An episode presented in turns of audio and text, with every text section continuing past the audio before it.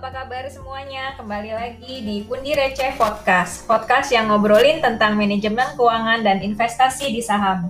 Podcast dan blog Pundi Receh ini tujuannya murni untuk edukasi, bukan untuk referensi investasi, asuransi, atau financial product lainnya.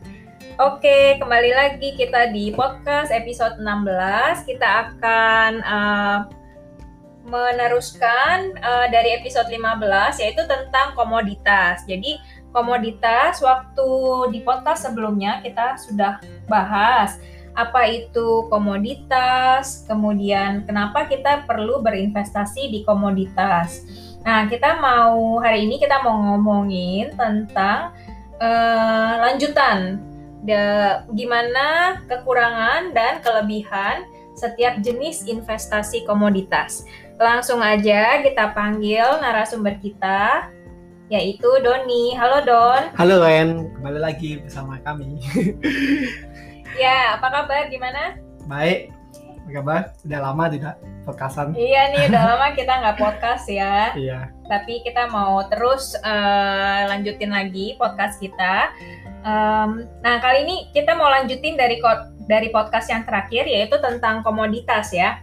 Iya benar. Uh, waktu pas komoditas uh, episode yang sebelumnya di komoditas kita udah bahas uh, macam-macam macam-macam komoditas ya, ada investasi juga secara langsung dan juga tidak langsung. Nah, uh, komoditas ini uh, ada banyak kelebihan dan kekurangannya. Dan kita mau lihat hari ini atau kita mau ngobrolin uh, tentang di tentang komoditas masing-masing komoditas, tapi kita mau lihat lagi kelebihan dan kekurangannya.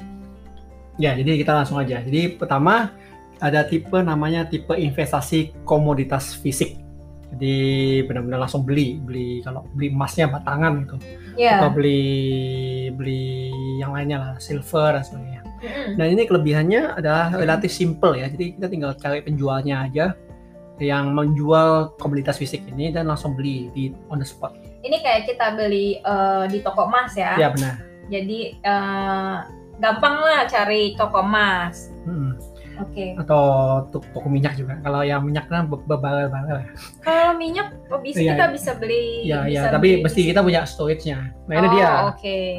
Kekurangannya karena uh, banyak biaya tambahan yang harus diperhitungkan seperti biaya ke tempat penyimpanan. Nah, mm -hmm. tadi kan saya bilang oh uh, kalau kita beli minyak kita mesti nggak mungkin dong minyak ditaruh di ember pasti hmm. itu pun kalau minyaknya dikit lah mungkin satu liter kalau minyaknya kalau kita beli komunitas ya. belinya bergalon-galon itu atau berbarel-barel jadi kita butuh tempat penyimpanan nah di mana tempat penyimpanannya dan kita perlu perlu gudang perlu gudang okay. atau tempat tanker oh. kita mesti uh, punya pemeli uh, kita mesti bayar pemeliharaan atau maintenance jadi banyak uh, biaya-biaya kayak gitu. Mungkin kalau untuk oke okay, balik ke emas ya. Tadi kan komoditas fisiknya emas. Nah, emas juga kan kita nyimpennya susah ya. Hmm.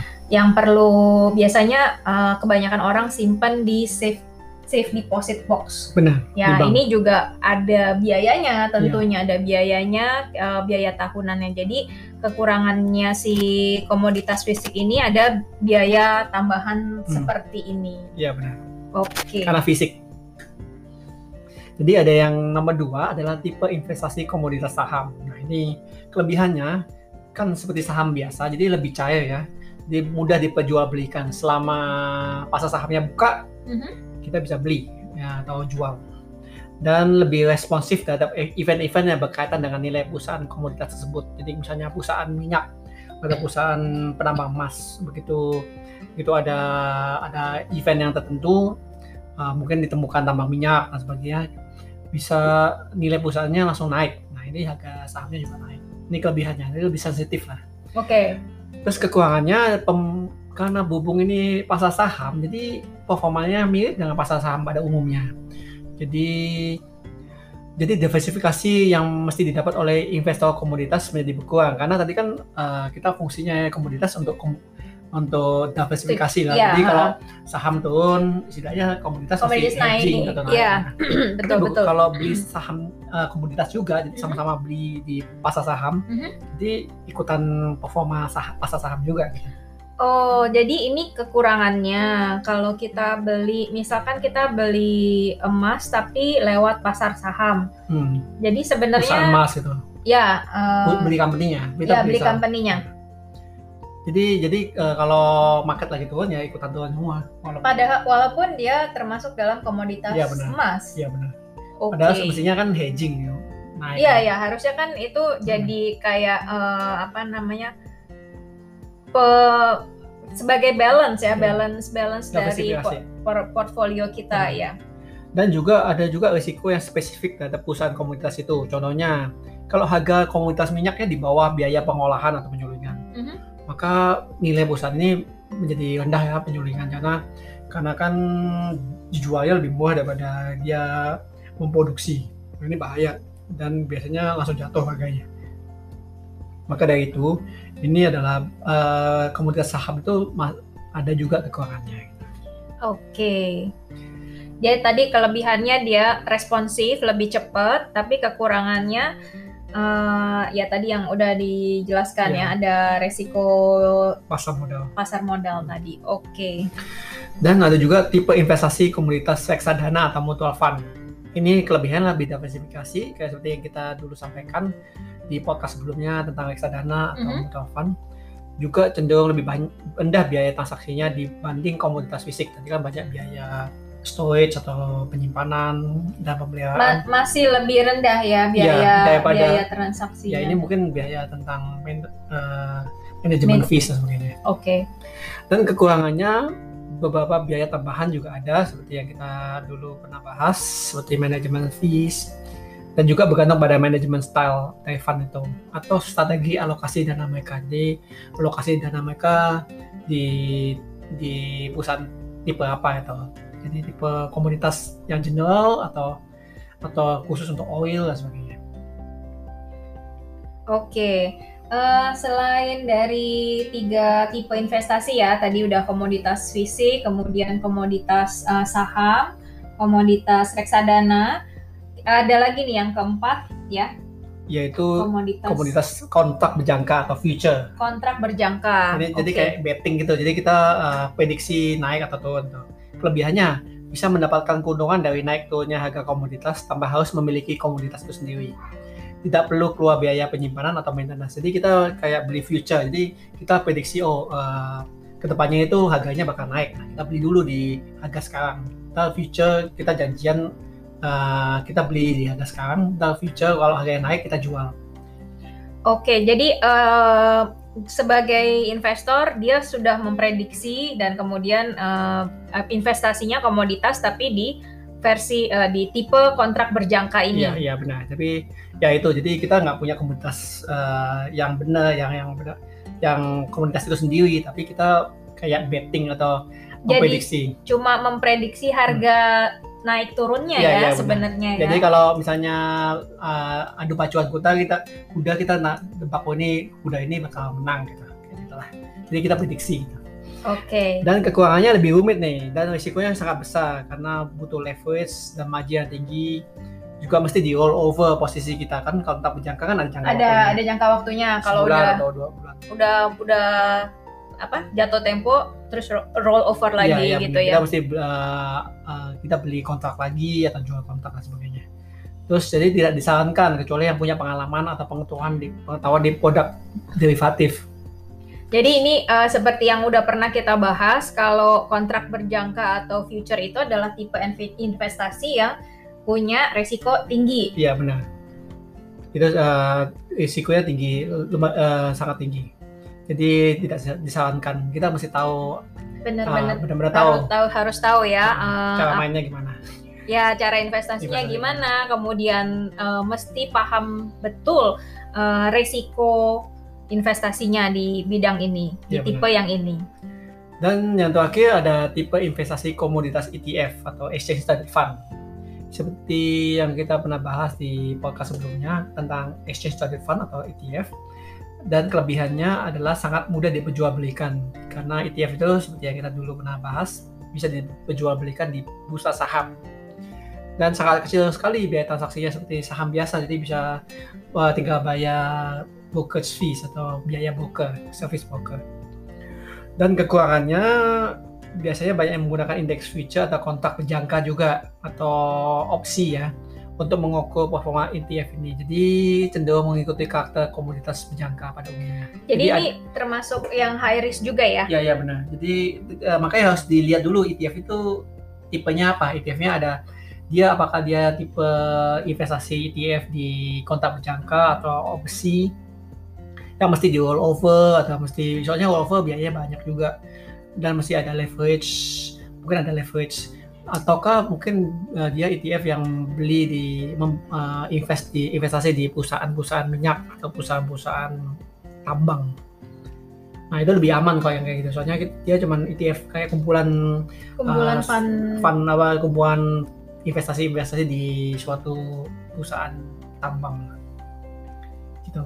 Oke. Okay. Kumpulan saham.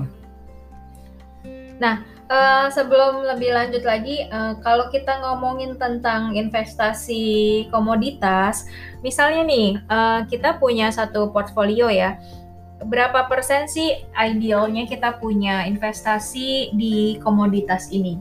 Uh, di bawah 10 persen, kalau bisa 5 sampai 10 persen. Biasanya saya uh, rekomendasikan 5 persen untuk emas ya, itu soalnya buat hedging, mm -hmm. karena emas ini uh, atau silver atau uh, perak dan sebagainya logam mulia itu buat hedging kalau ada market crash atau uh, saham itu dia biasanya naik, dia naik. jadi nah, dia hedging okay. nah tapi jangan kebanyakan karena apa? Ada, karena komoditas ini tidak punya dividen. Jadi benar-benar tergantung banget sama naik turunnya harga saat itu. Jadi tidak disarankan untuk uh, lebih dari 5% jadi sekarang harga saham eh harga emas turun karena ada selain ada uh, stok market lagi tuh tinggi, mm-hmm. saham, pasar saham lagi tinggi, juga uh, dia punya saingan namanya cryptocurrency yang ada Bitcoin dan uh, uh, kayak Dogecoin atau atau Ethereum dan sebagainya. Jadi Bitcoin dulu kan orang uh, alternatif investmentnya dari, dari saham kalau enggak masuk ke emas. Yeah. Tapi sekarang emas punya saingan namanya Bitcoin jadi oh, uh, jadi emas sudah ada saingan hmm. uh, dulu kan emas dibilangnya safe haven hmm. ya kan. Jadi sekarang udah mulai ada saingannya. Hmm, Jadi ada banyak orang yang uh, daripada investasi di emas mereka beli Bitcoin. Apalagi Bitcoin lagi booming sekarang. Oh, oke. Okay. Jadi emas ada ada susah juga naiknya. Berarti uh, kalau dulu apa beberapa beberapa uh, apa namanya influencer de investa, investasi dan keuangan bilang uh, oke okay, boleh beli emas gitu kan secara fisik tapi uh, ada juga yang menyarankan beli emas untuk jangka waktu 5 sampai 10 tahun. Gimana menurut Doni kira-kira ini? Beli emas beli emas beli emas uh, fisik Fisik, fisik. Oh, Tapi iya. untuk uh, dijual lagi minimal lima tahun atau untuk 10 tahun. Uh, bisa sih, tapi asal nilainya eh, lima persen sampai sepuluh persen tadi yang oh, dari oh, jadi semua keep, portfolio. keep the portfolio. Iya, tapi uh, lebih susah lagi karena kita mesti ke uh, ambil physical uh, produknya itu langsung balikin ke uh, jual penjualnya dan sebagainya. Nah itu kita juga nggak uh, juga susah juga kalau uh, simpannya di rumah. Mungkin uh, mungkin simpannya di bank kan. Nah yeah. bank itu butuh biaya maintenance sama butuh biaya bulanan. Nah, nah kita nggak tahu waktu itu uh, waktu kita jual kita uh, biaya mana yang udah kita udah udah bayarkan kan makin makin panjang kayak 10 tahun kan sudah hmm. 10 kali kita beli kalau biaya tahunan ya. Iya. Itu juga perlu diperhitungkan. Jadi kan uh, dan juga uh, harga emas juga nggak tahu kita nggak bisa prediksi juga 5 sampai 10 tahun bisa aja dia naik bisa turun juga Oke. Okay. Tergantung market pada saat itu. Berarti kita uh, tetap poinnya adalah kita tetap uh, keep uh, 5% portfolio untuk komoditas. Kemudian uh, kita cek lagi kelebihan dan kekurangannya kalau kita mau beli fisik, kita mesti um, perhitungkan biaya penyimpanan dan lain-lain. Kemudian kalau kita mau beli yang uh, tipe yang komoditas saham, kita juga mesti cek lagi kelebihan dan kekurangannya. Iya benar. Uh, biasanya yang paling bagus sih yang ETF emas ETF ini ya, kayak uh, namanya GLD ya gold. Nah ini uh, dia ya kalau kalau misalnya kita udah sampai 5 sampai 10 tahun ya kita tinggal jual ETF-nya jadi kayak jual saham biasa daripada kita Hmm, daripada kita- beli fisiknya. daripada kita beli fisik terus ju- eh, lima tahun lagi kita jual jadi soalnya kan kita nggak tahu kondisi fisiknya saat apa kayak apa terus biayanya berapa dan sebagainya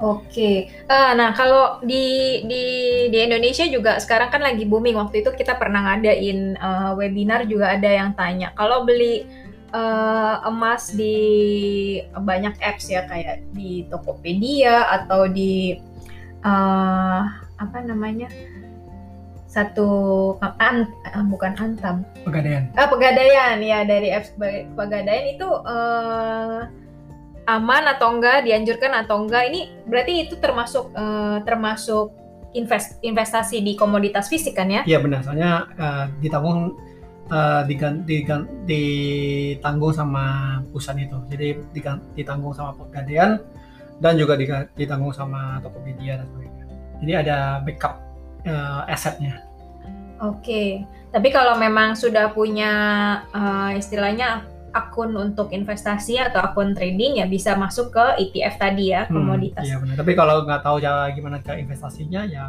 tahu aja dulu. Mulai dari yang mudah aja Iya, ya iya. karena sekarang banyak platform yang Iya, platform yang menyediakan orang untuk mudah berinvestasi. Tapi jangan jangan uh, terburu nafsu. Jadi kita pelajari dulu kita baca kita gali kita cari informasi dulu mana yang tepat untuk investasi. Ya terus uh, mungkin Doni mau share uh, juga untuk gimana caranya kita bisa menganalisa uh, komoditas investasi di komoditas ini. Ya, jadi kan tadi kan saya sudah eh, sampaikan kalau komoditas ini tidak punya dividen ya. Jadi juga tidak punya laporan keuangan kecuali Hmm. kalau kita investasi di saham perusahaan komoditas. Iya, iya betul. Jadi yang komoditas ini tidak bisa dianalisa secara fundamental atau analisa oh, keuangan. oke. Sehingga analisa komoditas itu biasanya dengan cara technical analysis. Dan juga bergantung banget sama berita-berita berkaitan dengan komunitas. Jadi dulu, eh, berita tentang politik lah, tentang soalnya gantung dari trading atau jual beli antar negara ya. Dan Mhm. Kayak kayak oil itu banyak banget politiknya. Jadi kayak bisa Arab Saudi mau jatuhin Amerika atau mau jatuhin Rusia pas aja jadi, Jadi banyak aja. oh banyak banyak faktor ya Iya. yang menentukan harganya si komoditas ini. Ya, jadi kita biasanya lihatnya dari technical analysis atau charting. Dan Oke. saya dulu pernah punya pengalaman pahit dulu waktu waktu universitas saya di, eh, kerja part time. Mm-mm. Maunya kerja part time tapi ternyata kerja part time-nya di komunitas ini, kom- komunitas company. Jadi tiap hari disuruh beli eh, liatin chart terus habis itu disuruh invest juga. Dan setelah Oh. saya invest 2.500 Singapura dollar kalau sekarang 25 juta ya. Dan ya benar 25 juta. Ya. Terus setelah itu eh, setelah beberapa hari nah, harganya tuh jadi tinggal lim- 600 atau 700 dolar. Wah, Ya berarti lebih dari Apalagi- 50% Iya, ya. apalagi dia loss-nya. dia tahu uh, orangnya tuh bilang oh ini kita lihatnya uh, berdasarkan grafik-grafik itu candle, candlestick lah dan sebagainya dan dia ajarin candlestick juga waktu kita nggak ngerti soalnya waktu itu masih universitas apalagi engineering student. Disuruh uh, baca cat kayak gini juga nggak ngerti. Dan juga mereka kerjanya sampai uh, on the clock ya. Jadi saya dari jam 9 pagi terus sampai besoknya uh, dia kita trading sampai jam 3 pagi sampai marketnya tutup. Mhm. setelah itu kita pulang. Besoknya besoknya Seperti itu lagi. jam 9 juga padahal itu part time terus itu kita nggak Oh. tahu ini gi- gimana cara dapat duitnya gimana bay- bayarnya gimana kita dibayar apa enggak dan benar-benar tiap hari disuruh diprintin mereka ngeprint benar-benar mereka ngeprint uh, latest news tentang komunitas ini Mhm. itu komoditas daging daging-daging kayak daging babi dan sebagainya Oh, oke, kayak dari livestock livestock Iya. commodity, oke. Ya, jadi benar-benar uh, mesti mesti punya latest news supaya kita bisa tahu oh, ini beli apa jual itu banyak Hmm. soalnya kalau random Hmm. Oke, jadi eh, ya makanya itu tadi balik lagi karena memang komoditas ini eh, termasuk investasi yang high risk. Jadi kita keep eh, hanya 5%, at- sa- 10% maksimum ya, ya. ya. Dan cara analisanya ya nggak bisa dianalisa secara fundamental, hanya bisa dengan technical analysis dan juga ingat lagi nggak technical analysis juga kadang-kadang nggak cukup jadi banyak faktor yang mempengaruhi si komoditas ini. Oke, ya jadi uh, tentang komoditas kita rasa cukup untuk kali ini. Nah untuk uh, sedikit sedikit informasi untuk technical analysis. Nah ini untuk sobat pundi receh yang kalau uh, mau tertarik untuk mempelajari technical analysis, jangan khawatir kita punya kelas online via Zoom uh, tentang technical analysis. Jadi uh, kita bisa eh, kita akan bagi gimana caranya uh, menganalisa secara teknikal. Kak, teknikal ini boleh, mungkin boleh cerita sedikit Don, uh, kapan technical analysis sebenarnya dipakai di investasi uh, saham. Kalau komoditas kan tadi kita udah tahu ya. Ya kita kok uh, fundamental uh, kalau uh, komoditas kita 100% pakai technical. Oh, kalau oke okay, oke. Okay. Nah, tapi kan technical analysis juga dipakai juga di bukan yang non komoditas. Mungkin bisa ya, cerita ya, sedikit. Ya, kalau di saham kita, kita pakainya fundamental dulu supaya kita memilih saham yang tepat. Jadi sah, uh, saham itu kita kan membeli bisnis ya. Jadi kayak Warren Buffett bilang kalau beli milih saham jangan milih saham berdasarkan tickers atau ekuitasnya ya mm -hmm. atau emitennya tapi kita mesti lihat sebagai seolah-olah kita beli bisnisnya. bisnisnya. Mm -hmm. Jadi kita uh, mau pastikan kalau uh, saham yang kita beli adalah uh, benar-benar uh, bakal naik atau bakal setidaknya bakal eksis lima tahun ke depan. Jangan sampai bangkrut. Oke. Okay. Jadi lebih uh, harus lebih aman. Jadi makanya harus uh, pakai fundamental analysis yang menganalisa tentang uh, anggaran keuangan, sorry, uh, yang anggaran keuangan uh, laba rugi, neraca perdagangan, dan juga cash flow dan sebagainya lah. Kondisi, Kondisi. si perusahaan itu tadi ya. Iya benar. Jadi kita uh, biar bisa tahu kalau apakah perusahaannya sehat atau enggak. Oke. Okay. Itu pakai fundamental. Jadi kita bisa tahu ya kita pilih pilih saham ini untuk bagus untuk dibeli untuk ke depannya bagus lah. Uh, apakah dia tetap untung, untungnya naik terus dari tahun ke tahun dan sebagainya dan juga uh, dan ini waktu ini adalah untuk menentukan saham yang saham apa yang kita beli dan sekarang kita tentukan kapan kita belinya nah ini kapan kita belinya kita pakai technical analysis jadi kita mesti tahu apakah kita uh, apakah ini saat yang bagus untuk beli atau enggak kan bisa aja kalau kita beli kadang-kadang kalau sahamnya langsung turun kita langsung sedih gitu langsung panik. Iya, kadang-kadang tuh kita bingung. Udah lihat grafiknya, udah lihat uh, fundamental analisis perusahaannya, terus gimana ya gitu. Ini uh, kalau sekarang grafiknya naik terus, apakah saat yang bagus nih buat buat beli apa mesti nunggu grafiknya turun dulu baru kita beli gitu kan kadang-kadang kita sebagai retail investor tuh bingung gitu berarti kita pakai technical analysis ya di yeah. sini untuk uh, menentukan uh, is this the right moment or we need to wait. Iya, jadi hmm. kan ada istilah-istilah jangan don't catch the falling knife atau jangan uh, jangan menangkap uh, pisau, pisau yang jatuh. Karena terluka ya, ya. Nah, itu juga juga kadang-kadang untuk menghindari kalau kita apalagi kalau yang pertama kali invest saham itu habis itu ada yang dia langsung beli kan oh ini bagus nih terus uh, fundamentalist beli eh tiba-tiba hmm. besoknya turun langsung dia tak panik langsung jual tapi setelah kita dijual langsung naik lagi gitu nah ini yeah. lebih bahaya Yeah. Kadang-kadang kita yang kita kita beli turun, yang kita jual malah naik. Iya iya iya, iya benar itu sering banget kejadian di dunia investasi ya. Iya benar.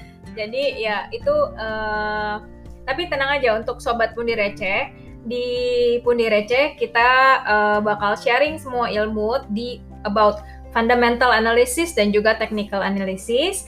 Buat semua yang berminat untuk belajar bersama Pundi Receh, bisa follow Instagram kita Pundi Receh atau di Twitter juga Pundi Receh.com dan juga uh, baca terus blog kita untuk uh, jangan bosan-bosan untuk belajar berinvestasi dan tentunya investasi yang bijak gitu. Oke. Okay? Uh, untuk sore hari ini kita mau pamit dulu untuk podcast kali ini. Terima kasih untuk Sobat Pundi Receh yang sudah mendengarkan podcast kita kali ini. Sampai ketemu di podcast selanjutnya. Thank you Don untuk waktunya. Thank you juga Iwan dan sampai jumpa Sobat Pundi Receh. Oke, terima kasih. Terima kasih. Bye.